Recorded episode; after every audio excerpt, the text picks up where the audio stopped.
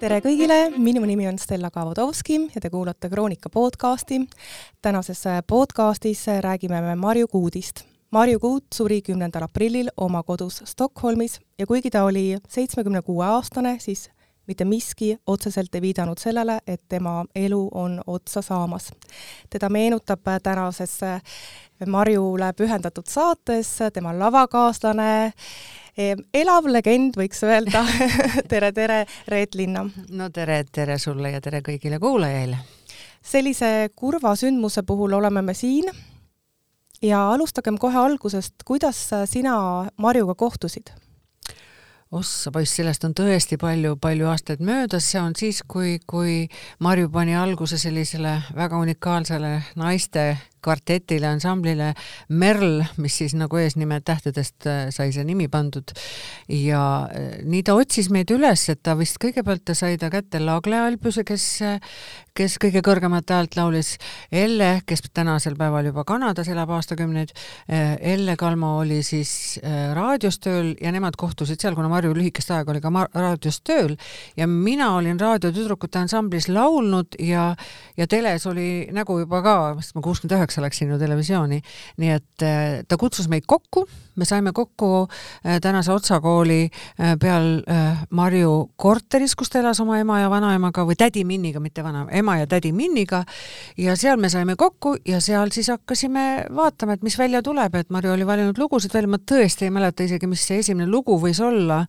aga see kõik oli väga põnev ta oli ise äärmiselt äh, värvikas persoon, eks ole? absoluutselt jaa, et äh, noh, tema nimi oli meile juba ikkagi teada siis, et meie olime ju, Lagle tuli Vent-Orelist, tema oli ka juba tuntud nagu Valkonani bändist sealt ja mina ei olnud nagu üksinda või, või, või ütleme, soolo või bändi sees kuskil olnud, aga aga see tema isiksus ja see kõik oli nii teistmoodi ja see kõik oli niisugune, ma ei oska seda isegi seletada, see oli nii põnev, et noh, sellest on palju juttu olnud, et keegi meist nooti ju ei tundnud, ka Marju mitte ja kuidas ta meid siis hakkas flöödiga õpetama, sest ta oli muusikakoolis äh, flöödimängu õppinud ja flöödiga ja oma kõrvakuulmisega kõik see, noh, tõenäoliselt me kõik olime ju väga musikaalsed ja õhust võtsime ja nii, nii see hakkas tulema ja nii sündis selline legendaarne Merl. jaa, just nimelt ja ma mäletan seda, et, et äh, me, me saime üsna ruttu ka esinemiskutseid, nii et, et Tartu üliõpilaspäevadel ülikooli klubis, kus oli paksu suitsu täis inimesi kohutavalt palju ja siis tulid neli noort tüdrukut minikleitides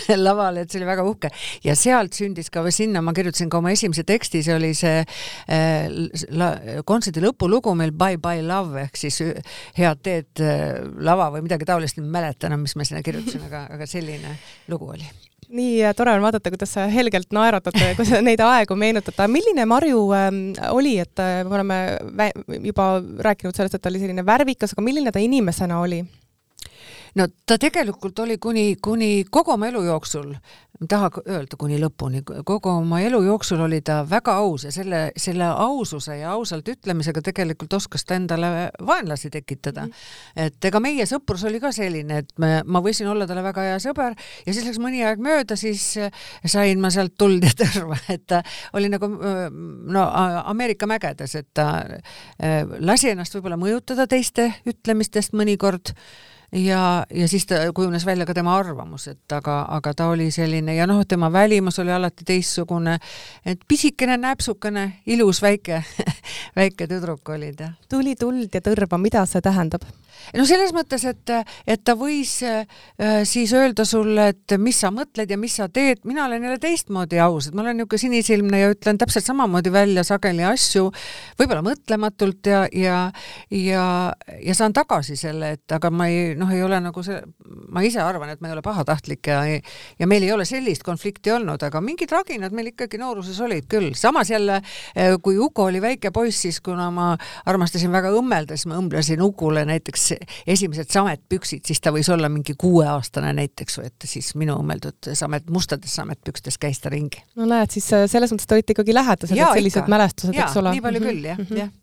no ähm, aastani äh, seitsekümmend kaks te siis äh, tegite bändi jah, see, seega see aeg ei olnud meil väga pikk aeg mm -hmm. selles mõttes, et et kõigil tulid omad tegemised, minul tuli perekond, ma abiellusin ja ja siis meil noh, pärast seda tekkiski mõneks ajaks meil nii-öelda MIR ehk siis Marju, Ivo ja Reet, kui Merl laiali läks aga see oli väga produktiivne ja ma ei väsi kordamast, et tänase päevani ei ole teist sellist, sellise kuidagi nagu sellise muusikalise keele ja hingamisega äh, tüdrukute bändi tulnud, kui see oli, et me tegime laenlugusid, me tegime Eesti lugusid, me käisime kontserttuuridel Ehala bändiga, et, et see oli väga aktiivne aeg kes see selline kõige, kõige suurem selline kirglikum eestvedaja oli? ikka Marju. ikka Marju, jah? ikka Marju ja, ja tema pani ka hääled paika, et et ma ei tea, miks ta kusagil, ma vaatasin just nüüd Tähelaeva uuesti üle ja millegipärast ütleb ta, et mina tahtsin laulda nagu Els Simma, ma pole elus tahtnud laulda nagu Els Simma, võib-olla mingi tembraalselt oli midagi sarnast mm, -hmm. aga mina olin Madalamäel ja siis äh, toetasin hästi palju Marjule, et mul on nii meeles, kuidas ma üritasin, et ma oleksin, et ma ei läheks, et minu noodid ei oleks pikemad kui tema omad, et, et noh, me oleksime nagu üks, eks ole, et tema jagas siis need hääled paika, et Lagrel oli teada, et tema huilgas seal alati kõrgelt oma imelise kõrge häälega ja jälle oli seal vahepeal siis pehme ta on öelnud, et sugulased ütlesid, et, et ta, et sa ei ole mitte keegi, sinust ei saa kunagi mitte kedagi, ta oli ka düslektik nagu alles väga palju aastaid hiljem, tuli see välja ja ta mhm. rääkis, kuidas ta loomulikult siis ka seega ei osanud näiteks nooti lugeda, et kui, mhm. kuigi see ei tähenda ja ei välista mhm. mitte kunagi, et et ei ole suurepärast muusikut, no minu enda üks suur lemmik, Chet Baker näiteks ei osanud äh, nooti lugeda mm.. Marju, üks äh, Äh, üks, kuidas öelda, öelda nüüd, et see loomus või iseloomujoon oli see, et ta ei olnud see inimene, kes ise läheb läbi seina. mina olen selline, et kui ma, kui ma olen võtnud midagi pähe, siis ma üritan sellega ära teha, aga ta oli äärmiselt tagasihoidlik nendes asjades, just nimelt muusikas, ega tema ei läinud ütlema, et paneb nüüd äh, mingi laulu laua peale, ütleb, et ma just selle tahan ära teha, seda tahan laulda, et ta nagu ikkagi ootas neid pakkumisi pigem, mis talle tulid hiljem, kui ta soleerima hakkas. et ta oli äärmiselt ääretult musikaalne ja nii nagu ma arvan, et kõik muusikainimesed kordavad sedasama, et ta oli omast ajast ees, seda, see oli meile algusest peale kohe selge, eh, väga musikaalne, absoluutse kuulmisega kõik, aga ta ei käinud ennast, ta ei reklaaminud ennast üldse kohe et see nagu käis talle vastu karva, et minna ja öelda, et ma olen see, et mul on väga hea hääl ja ma teen ja kõik.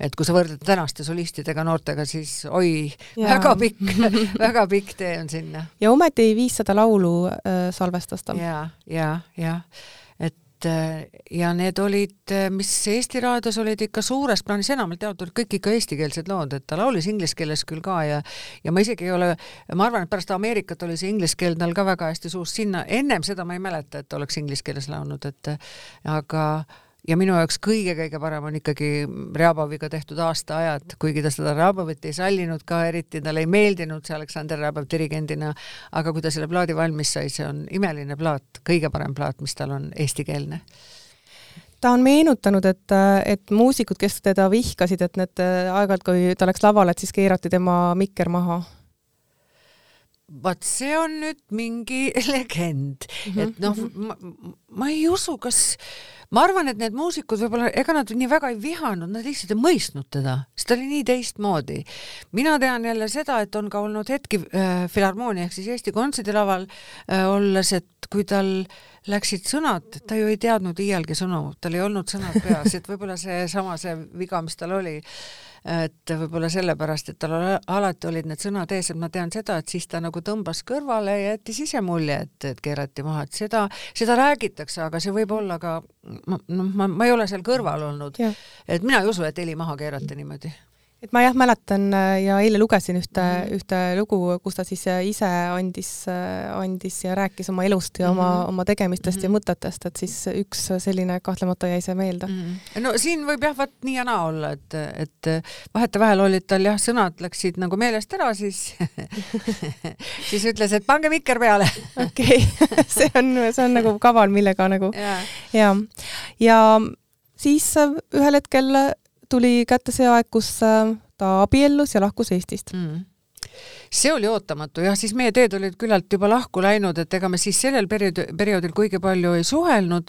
Ja see, mis tal ennem seda oli, see elu oli hoopis teistsugune kuni sinnamaani, kuni, kuni ta leidis usu enda jaoks, mis oligi tema pääsetee, mis oli talle väga-väga hea, et see, see teda nagu elu teise poole püsti hoidiski, aga sinnamaani oli ta ikka niisugune pidude pidaja ja, ja tegi oma tempusid ja, ja kõik need laulud, mis ta siis laulis, et tal need, need tuttavad, kes tal siis kõrval olid, need olid äh, need, kellega meie nagu, me ei tundnud neid kuigi palju, et mul on meeles, et Virus laulmised ja mis seal kõik olid, aga aga see äraminek oli, see oli nagu jah, see oli nagu välk selgest taevast kuidagimoodi meie jaoks, et et ta otsustas minna võib-olla need mõtted olid tal ammu hinges, et ta tahtis siit ära saada. jaa, tead, kui ma nüüd tagantjärele mõtlen, siis see oli see aeg, kus väga mitmed tegid ka selliseid fiktiivseid abielusid ja, ja et jalga lasta siit. ja, ja ta ei olnud ainukene, et siin oli neid veelgi, kes läksid muusikud just ära, et äh, hiljem tulid tagasi, aga ja nii nagu Marjugi, aga aga võib-olla see oli ka see, et lihtsalt ära saada ja võib-olla ka see adumine, et, et te, tema tegemisi ja tema muusikat ei mõistetud siin kui Marju ära kolis, äh, Eestist ära läks, eks ju, et see oli nagu justkui selline patt, mis siis, et ta läks läbi abielu mm, -hmm. väidetavalt lõhuti isegi tema plaate kuskil. seda ma jälle ei ole, ma lugesin mm -hmm. seda ise ka, et, et see võis olla nii, aga ei pruukinud olla, sest et vaenlasi on alati olemas, seda ma küll tean, et et Nukitsa mehe, tema lauldud laul, et see nagu see, see, no ühesõnaga tema muusika läks riiulisse, seda ei tohtinud kasutada, et see oli selline, nii nagu Heidi Tammega juhtus sama asi, pandi ka seisma kõik et äh, sellised inimesed olid, selline kultuuriladvik oli meil toona. kümme aastat ta oli ta ära, siis tuli ta tagasi mm. -hmm. Mil-? ma mõtlen, kas ta selle aja sees käis Ameerikas ka? ta liikus siin ja seal siin,. sest et maailm oli vabam nüüd. jaa, sest mulle tuleb meelde see, et, et meie olime Rock Hotelliga olime Ameerikas ja kas see oligi LA-s ja siis Ukuga nad mõlemad otsisid meid ülesse et äh, minu meelest nad isegi ööbisid meie hotellitoas seal, et siis meil oli jälle niisugune see teineteise leidmine oli, see oli nii tore. Marju oli veel kuskil, kas ta oli äkki, kas mingis pesupoes oli ta tegev seal, kas ta siis selle muusika tegemise kõrvalt teenis sealt, nii et ma mäletan, et ta, ta mulle mõned nii-öelda aluspesutükid kinkis siis no, veel no see oli nagu kogu aeg, eks ju, et mis just, leti alt liikus või ja. mida keegi sai tuua, see oli ju lihtsalt ja. suurepärane, jõulud olid siis. see oli selline väga-väga tore äratundmine igal juhul, et, et, et ta üldse, noh, ta teadis, et Rock Hotell tuli sinna ja, ja, ja me olime Ivoga, jah, ma ei mäleta seda hotelli, kus me olime, igal juhul meie juurde ta tuli ja mõneks ajaks sinna ka jäid mõlemad Ukuga nii et ta otsis teid üles? jaa, see oli väga tore. kui ta tuli tagasi, kuidas ta muutunud oli? milline ta oli? Kui ta, oli nagu avatum, äh, võib-olla oluliselt äh, rohkem. tema muusikastiil oli muutunud, siis oli ta tema jaoks juba see äh, funky ja, ja, ja rhythm and blues ja need olid juba tema maailm, eks, et siis oli, hakkas see aeg peale, kus ta ütles, et ta ei taha enam Raagussõnu laulda ta ei taha kuuldagi seda. et see, selles mõttes oligi, oli ta muutunud ja avatum oli ta ka kindlasti kohe. nii et äraolek äh, oli kõvasti enesekindlust andnud ja, talle. ja, ja siis oligi niimoodi, et äh, ma ei tea, kas see nüüd mahub sinna aega või et siis tuli nagu mingi tahtmine korraks nagu Merl kokku ajada, siis me saimegi kokku. Äh, me olime Ju jääbil, laulsime seal, siis oli küll asendusliikmeks, jälle oli juba Kanadas ära, teda me kätte ei saanud, siis oli, oli Merle Lillee laulis seal ja, ja tegime mingisugust kas see oli ka äkki mingi tähtpäevakontsert oli meil siin Viru hotellis veel ja et me nagu leidsime üksteist korraks uuesti see oli ainus kord? jaa, jah. Mhm, mhm. see oli uhke kord, eks ole? igal juhul jaa, jah, jah ja aga kui te siis äh, uuesti tegite, ei olnud äh, sellist, see oli ikkagi selline ühekordne projekt, ei olnud mõtet, et noh, et võiks äh, jätkata või olid juba kõigil teistel omad projektid või miks see põhjus oli?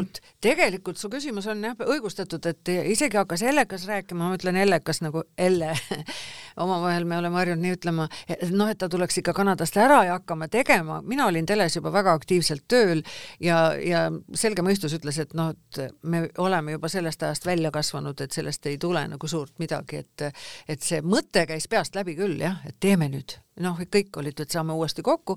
Ja sellest ajast peale me nagu suhtlesime jälle uuesti rohkem, et aga siis juba nagu ütleme televisiooni taustal, et ta käis saadetes ja tuli meile vahest sinna telemaja kohvi jooma ja, ja mitte ei joonudki kohvi, teed jooma.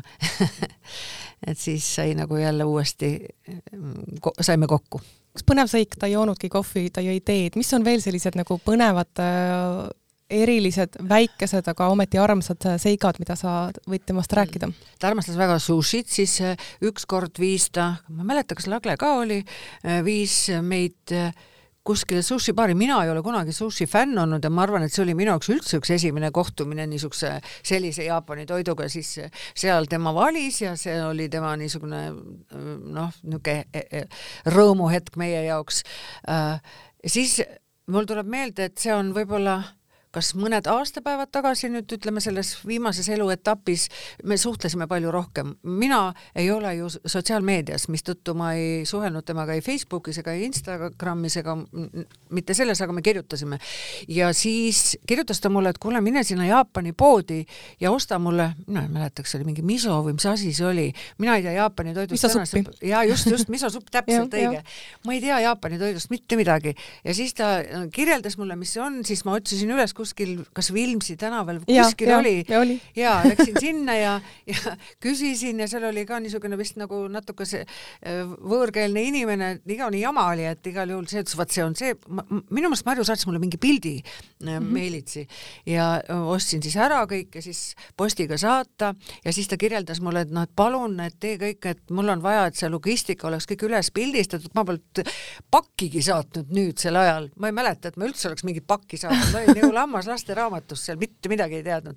ja siis selle pildi kõik saatsin talle, et kuidas see liigub, eks ole, lennukiga, et kõik kohale äh, jõuaks, et ta millegipärast selliseid asju pelgas, tal pidi olema väga selge, et mul poleks selle peale elus tulnud, et mul mingi paki teekonda veel näidata. noh, jõudis ühel hetkel kohale ja siis tuli tagasi kiri, vale supp oh. ja see on tänase päevani, ma proovisin, see on mul kodus, ma tagasi ei saatnud seda, ta ei tahtnud.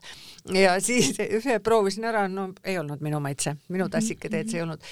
aga jah, et ta valis ta äh, siis, kui ta käis siin veel e, kui ta Tallinnas esinemiskorrad olid, siis ta nagu alati võttis mind kaasa, et, et ma olin nagu turva, turva seal kõrval tal ja, ja vedasin autoga, kui vaja oli ja siis ta äh, valis ikka seda, mida ta sõi, mida ta laua peale endale tellis, see oli väga-väga peenelt valitud, et ta ilmselt ei talunud kõiki toite ja väga teravaid asju hoopiski mitte, et see oli nagu tema eripära. siis on, tuleb meelde see, et, et äh, kui ta Krimmi tuppa tuli, siis ega ta ei lasknud ennast eriti meikida, tal oli täiesti oma stiil ja just grimeerija tuletas üks päev meelde, kuidas ta tuli, et ta oli nagu juba kõik oli tehtud ja siis ütles ta, et anna mulle põsepuna, ta ütles, et aga sa ei tee ju põski, et sul on kõik korras ju. ta võttis selle põsepuna, pani selle nina otsa ja nühkis oma nina ja siis sel-, äh, selgitas, et aga minu ema ütles, et kui sul on suur nina, siis pigem olgu punane, mitte valge. Ja see on sulatõsi vot väga hea nipp nendele, kellel on suur nina kuigi Marjul ei olnud suur nina, ta ei ise, ta, jaa, ta ise mm -hmm. kujutas endale ette, et ta nagu teatud asju ta nagu ilmselt põdes siis mm -hmm. seda, aga mhm. tegelikult ei olnud, ta oli ju nii, nii ilus inimene ju. jaa, ta oli väga-väga võrratu mm -hmm. ja ta oli ka väga selles mõttes sellise värvika riietumisstiiliga mm. -hmm mul tuli täna meelde, kui ma enne, kui ma sinuga kohtusin siin, et, et mingil perioodil me käisime kahekesi ka Tartus Kaunases varietee programmis laulmas, mida me laulsime, ma ei mäleta, aga ma ei leidnud pilti üles, kus me oleme mõlemad, ma ei tea, kus me need kleidid oleme saanud, niisugused liibukad, pikad, lillelised ja, ja, ja, ja mõlemad hästi ühtemoodi olime, meil olid juuksed ka ühtemoodi, niimoodi pikad juuksed ja, ja kuidagi nagu siis oli see noh, mood oli selline, et, et nagu, nagu tänapäeval, aga lokid peas kõik, et, et selline selline periood on ka mul elus olnud temaga. täiesti uskumatud lood, eks ole ja.. jah, jah. no äh, Marju ähm, pidi elama üle väga kurva sündmuse, mida ükski lapsevanem mm -hmm. ei peaks äh, elama üle, ta pidi siis äh, matma aastal kaks tuhat seitseteist oma poja, kes oli mhm. ennem väga-väga pikalt haige. ja selle, kuna ma Ukut ju lapsest peale tean, minu, minu tütar, oota ma mõtlen, kellega ta, mul on las-, laps, ühed lapsed olid ühevanused igal juhul. ja siis, kui äh, Uku elas juba siis Orissaare lähedal või seal Tornimäel ja Marju palus siis ja see oli mitu korda, et, et, et kas sa tuleksid, et viiksid mind, ta ah,, ta kohutavalt kartis autoga sõita. jaa, talle ei meeldinud üldse, aga teist võimalust ei olnud. mäletan ühte, ühte sõitu Pärnusse, et oli tal mingi, kas tal oli mingi kontsert seal või midagi, siis ma viisin ta, siis ta istus ikka niimoodi, et vaikselt seal, aga siis oli ta oma suure kohvriga, tuli ta Stockholmist ja et Ukule külla minna ja me sõitsime sinna, sõitsime sinna äh, kaks korda käisime niimoodi, ükskord olime kahekesi ja teine kord oli Lagle ka kaasas. Ja ma olen seda pilti näinud, ma nägin Ukut, ma nägin, et ta tundis mu ära, et ta silmadega teretas mind.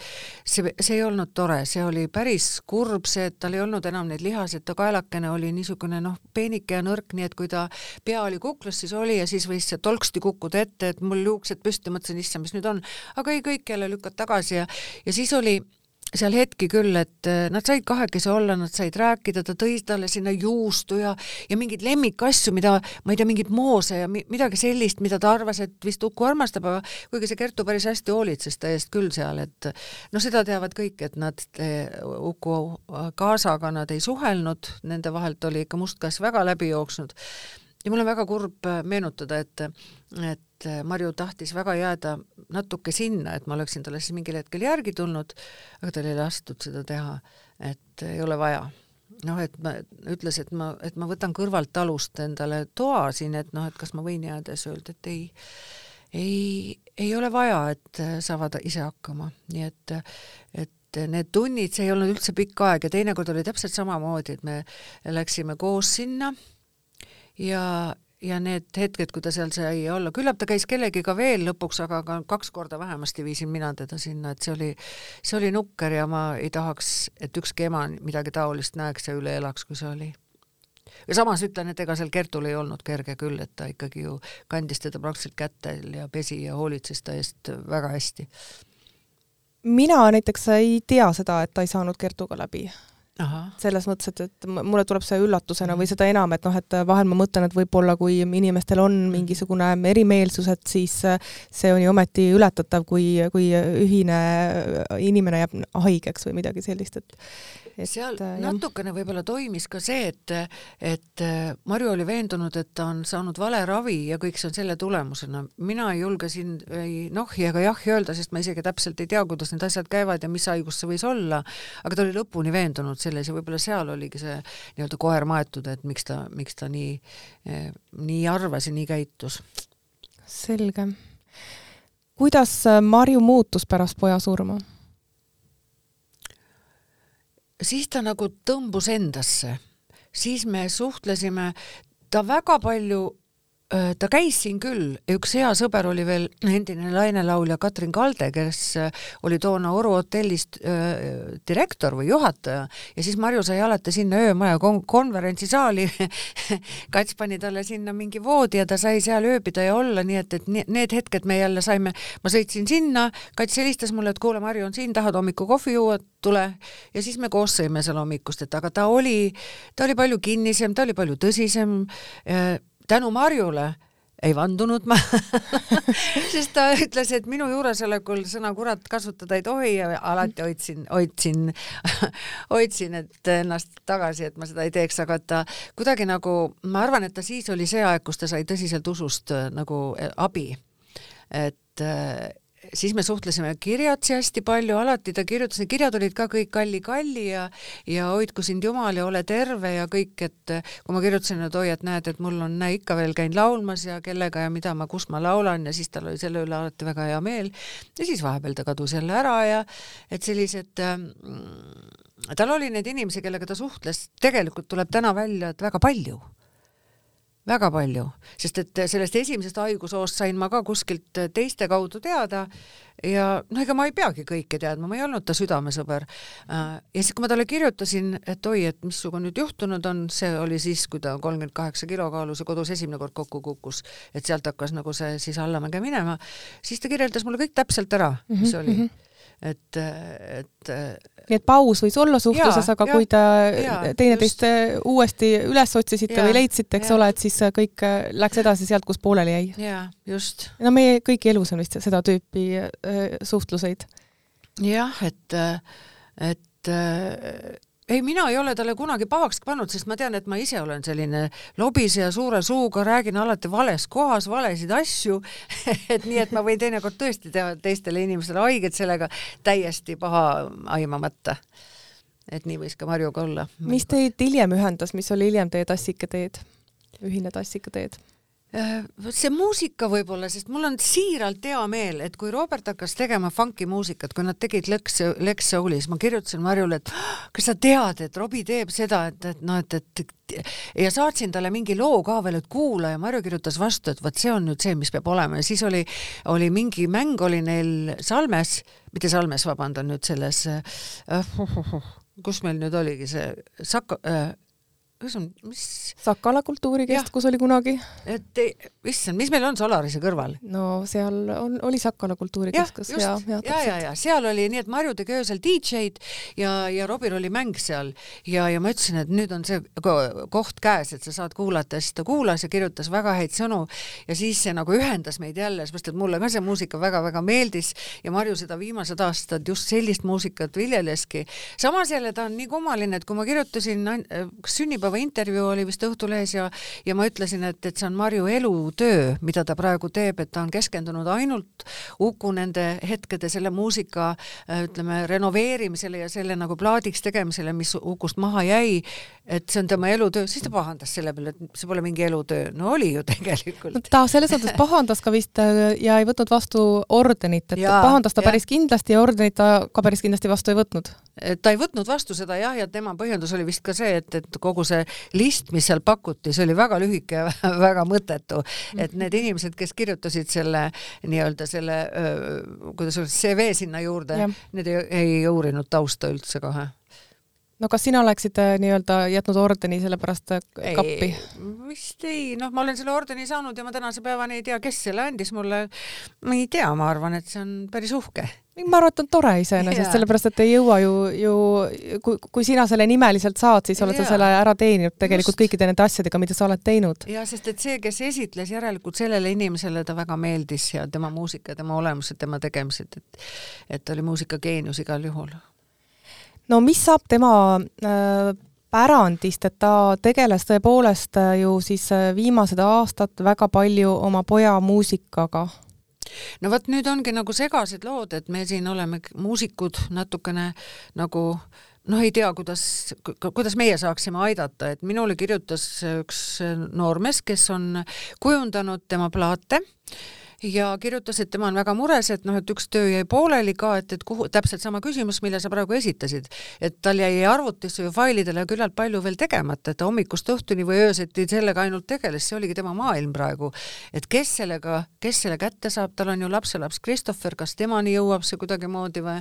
Et siin on tulnud nüüd äh, inimesed, kes on nagu enda peale võtnud selle viimase teekonna, et et äh, mina tean seda, et ta väga tahtis oma poja kõrvale saada, et äh, me siin oleme arutanud muusikutega, et noh, et me oleks, võiks õla alla panna ja teha nagu mingi niisuguse heateo ja ja aidata ka materiaalselt seda värki, aga me ei tea mitte midagi praegu, et see on küsimuste küsimus ja see ei tohiks jääda ripakile, sest see noormees, kes mulle kirjutas, ütles, et et noh, et see võiks ju minna Teatrimuusikamuuseumisse kindlasti, see materjal, et see ei saa jääda nii, et ma ei tea, kelle käest isegi küsida et siin on inimesed, keda ma ei tunne, et meie ei tunne. meil on laua peal just siin äh, värske kroonika, mis on ilmunud täna reedel, kui ka podcast läheb ülesse ja siin äh, räägib üks tema sõbranna näiteks mm, -hmm. et äh, päris pikalt ja põhjalikult tema, tema sellisest, tema soovist ja, ja, ja sellest ka näiteks, et ta ei tahtnud, et teda kremeeritaks mm. -hmm ja samal ajal vist muutub väga keeruliseks, et, et, et kuidas, kuidas saaks teda siis Eestisse tuua ja matta mm -hmm. oma poja kõrvale, kõrvale, et siin on nagu hästi palju selliseid äh, küsimusi, ma ei tea, kui palju neid vastuseid on. ma isegi mõtlesin veel, et kuna ma tunnen äh, Paavo Nõgest väga-väga hästi ja Paavo on muusikaga olnud kogu oma, oma lapsepõlve seotud, et noh, et, et tema abi saaks kasutada ja kõik, aga kui meie abi ei vajata ja keegi meile nagu infot ei anna, siis ei saa seda ju teha ka, et et see ongi nii kummaline, kusagilt kumas jälle läbi, et hoopiski ikkagi ema kõrvale Stockholmi, ma olen ta ema haual ka käinud Stockholmis, et äh, ma ei tea seda mida saaks teha, et seda segadust saaks lahendada, et esiteks on tõepoolest olemas arvutitäis muusikat, mis on, äh, mida eestlased tahaksid kuulata, mis äh, on täiesti nii-öelda kullavaramu. Ja, ja kuidas üleüldse, mis on siin mingid sellised teed, mis te olete, olete muusikutega pead kokku pannud, mõelnud? no me ei ole jõudnud veel väga, väga pikalt ja palju sellest rääkida, et neid on täna vabandust, just täna on reedesel päeval on Juku-Kalle Raid korraldab täna Kuku klubis sellise kaheksast kümneni sellise Marju mälestamise õhtuütlasi ja siin ei tohi olla sellist nutulaulu, et kuulame tema muusikat ja räägime toredaid lugusid. et ma lubasin talle, et ma lähen kohale, et võib-olla ma seal näen kedagi, kes aitab, aga et võib-olla seesama inimene, kes on nagu olnud talle abiks, südamesõbraks kõik need ajad, et äkki ta võtaks meiega ühendust inimene, kelle nimi on Inga Kiiet, jah? jah, nii et Inga, kui sa kuuled meid ja kindlasti sa kuuled meid, siis äh, võta ühendust näiteks Red Linnaga et äh, ja et äkki me saame aidata, et just, et see materjal kaduma ei läheks, et et ma arvan, et ka seal Marjust saab kindlasti üks väga särav täht seal üleval, ma olen selles täiesti veendunud. et, et kui see Marju tunneks seal üleval tähena ka suurt rõõmu, kui see, kui see seisma ei jääks, see materjal, et võib-olla on keegi teine, kes suudab veel seda nagu muusikasse panna, neid, neid fraase ja mõtteid sealt arvutist, mille, mille Uku meile jättis.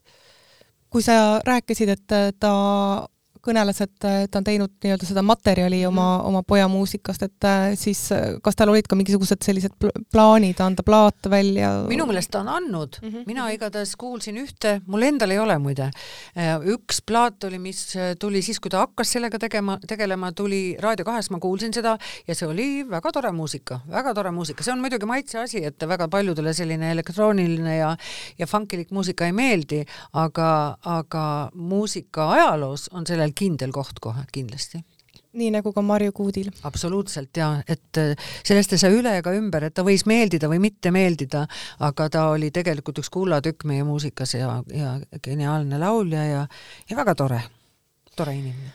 Äh, Reet, äh, sina oled täna teda siin meenutamas, meil on siis ka, ma kordan veel üle, meil on siis ka sõnum siis Marju pikaajalisele sõbrannale Inga Kiietile, et kui tal on võimalused, siis kindlasti võiks, võiks muusikutega ühendust võtta ja me saame võib-olla ka Kroonika poolt siin omavahel aidata ja, ja numbreid vahetada, et, et siis saaks selgus majja, et mis saab tema muusikast aga meie saate lõpp on traditsiooniline ja see on see, et äh, ma annan äh, minuti või kaks äh, vaba mikrit, et sa, sa saaksid rääkida seda, mis on veel südamel või öelda seda vastuseid küsimustele, mida ma ei küsinud.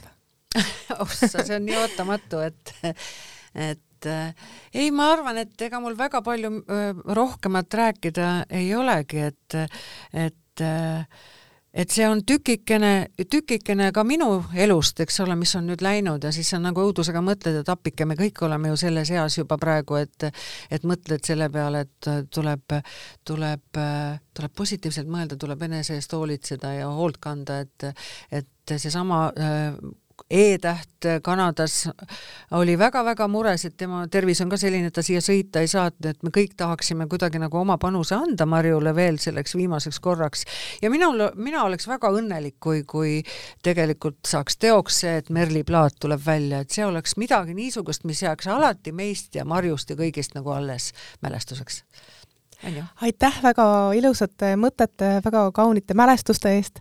see oli Kroonika podcast, täna me rääkisime Marju Kuudist, kes suri kümnendal aprillil.